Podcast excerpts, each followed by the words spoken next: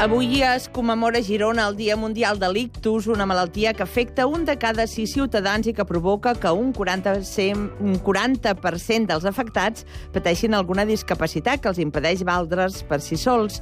Quan falten 100 minuts per tres quarts de nou, parlem amb el doctor Joaquim Serena, coordinador de la unitat d'Ictus de la regió sanitària de Girona. Bon dia. Bon dia. Ens pots resumir breument què és l'ictus?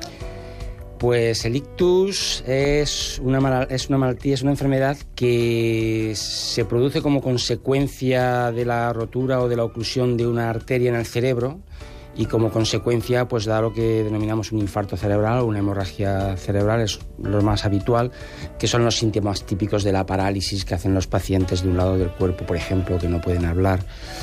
Es una de las causas, siempre insistimos que el ictus además pues es una de las causas más frecuentes hoy en día en nuestra sociedad de, de, de discapacidad, es la más frecuente de todas. ¿eh? Sí, quants afectats d'ictus reben cada dia a l'Hospital Josep Trueta de Girona? Pues, pues mira, eh, globalmente, pues yo creo que los 3, 4, 5 pacientes diarios sí que atendemos. ¿eh? En Girona tenemos globalmente unos 1.700 ictus cada año, de los cuales pues prácticamente la mayoría lo tenemos centralizado en, el Trueta como hospital de referencia. Eh, hay pacientes que ingresan, pacientes que no. Es, donde se ubica, digamos, todo lo que es la atención emergente, urgente al ictus. Y diariamente, pues sí, sí que podemos ver esa cantidad, de los cuales no ingresan todos. ¿eh? Podemos ingresar aproximadamente cada año unos 600, 630 pacientes aproximadamente. Va variando. La verdad es que conforme van pasando los años, Además, esto va creciendo, cada vez vemos más pacientes. ¿Ah, sí? ¿Y quién son el motivo? Pues el más importante probablemente sea simplemente que la población pues va creciendo, ¿no? En, en Girona y en general en todo el estado, ¿no? Pues la, la, población va envejeciendo, la población cada vez es de mayor edad y la edad en sí misma es un factor, no es el más importante, pero es un factor de riesgo para sufrir un ictus, ¿no? Y, y la, la, verdad es que la curva de población en, en, Girona es impresionante porque de ser una pirámide, como siempre decimos, la pirámide de población, la verdad que actualmente es casi cuadrada y dentro de unos 10-15 años para el 2030 está casi invertida la, la pirámide de, de, población, con lo cual la, la población eh, propensa a sufrir un ictus pues cada vez és, és, és major. Va augmentant. Sí. Quants en sobreviuen de malalts afectats per ictus i en quines condicions? Pues mira, eh, esto es una de las cosas, es una de las cosas que sí que ha mejorado eh, en la atención al ictus, eh, tanto la supervivencia, son más los pacientes que sobreviven, como sobre todo los pacientes que sobreviven en buenas condiciones. Yo vengo de una época en la que no hacíamos, no había tratamiento para el ictus, hace apenas 15, 17 años, la verdad es que pues, un paciente con un ictus no, no recibía ningún tratamiento y esto ha cambiado radicalmente en los últimos años y la verdad es que he tenido la suerte pues, de, vivir personalmente y desde aquí de Girona de liderar algunos de los estudios que luego se han convertido en, en tratamiento habitual y en un tratamiento rutinario. Y para que te hagas una idea, pues hace unos 15, 17 años, pues la mortalidad del ictus en registros propios y, y otros, pues estaba cerca del 20% y ahora tenemos una mortalidad que está sobre el 7, el 8% que muchas veces no es lo peor, porque yo siempre digo lo mismo, ¿no? que lo peor en el ictus muchas veces realmente no es que puedas fallecer, ¿eh? es que puedes quedar en unas condiciones realmente eh, invalidantes, en silla de ruedas, con deterioro cognitivo, puedes quedar con unas secuelas muy muy severas. ¿no?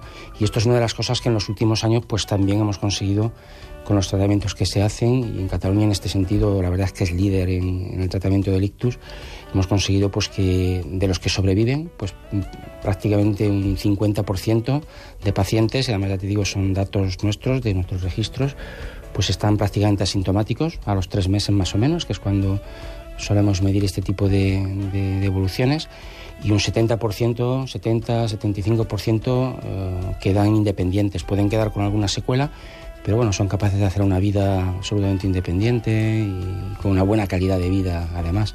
A pesar de eso sí que sigue habiendo un 20-30% de pacientes que pueden quedar con secuelas importantes. Eh?